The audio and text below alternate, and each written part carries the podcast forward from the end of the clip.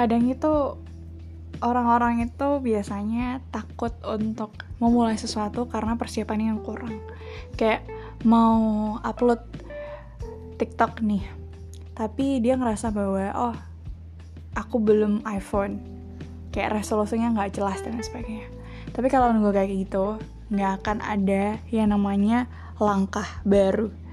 Dan sebenarnya langkah baru itu akan me lead, memimpin langkah-langkah selanjutnya. Dan akhirnya langkah-langkah selanjutnya itu akan terkumpul menjadi suatu langkah besar yang akan uh, memfasilitasi kita untuk mendapatkan pencapaian yang lebih utuh. Maksudnya kayak pencapaian yang lebih kelihatan nih gitu. Kayak umpamanya nih kalau nunggu iPhone otomatis ini contoh ya. Kalau nunggu punya iPhone dulu baru bikin TikTok baru bikin konten TikTok berarti kan ini waktu ini berjalan terus ya kan? Tren berjalan terus gitu.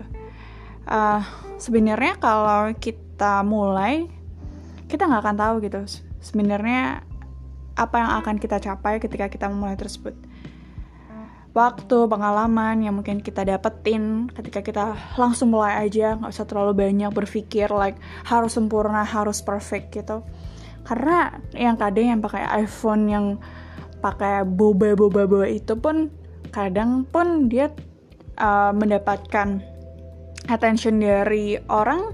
Maksudnya kontennya menarik itu pun harus melalui beberapa step dulu untuk dia mengerti bahwa oh ini kontenku yang aku suka dan ini menarik buat orang lain. Jadi ya udah gitu loh. Just take it ambil aja. Jangan terlalu dipikirin gitu karena kalau nunggu sempurna ya sempurna itu bisa dipoles kok. Sempurna itu akan berjalan sesuai karena waktu itu berharga. Waktu itu sesuatu yang tidak bisa dibeli sama sekali gitu. Kalau yang lain nih masih bisa dibeli. iPhone masih bisa dibeli dan sebagainya. Tapi kalau waktu pengalaman nggak bisa dibeli. Yang penting jalani dulu. Oke? Okay? pisau merah pamit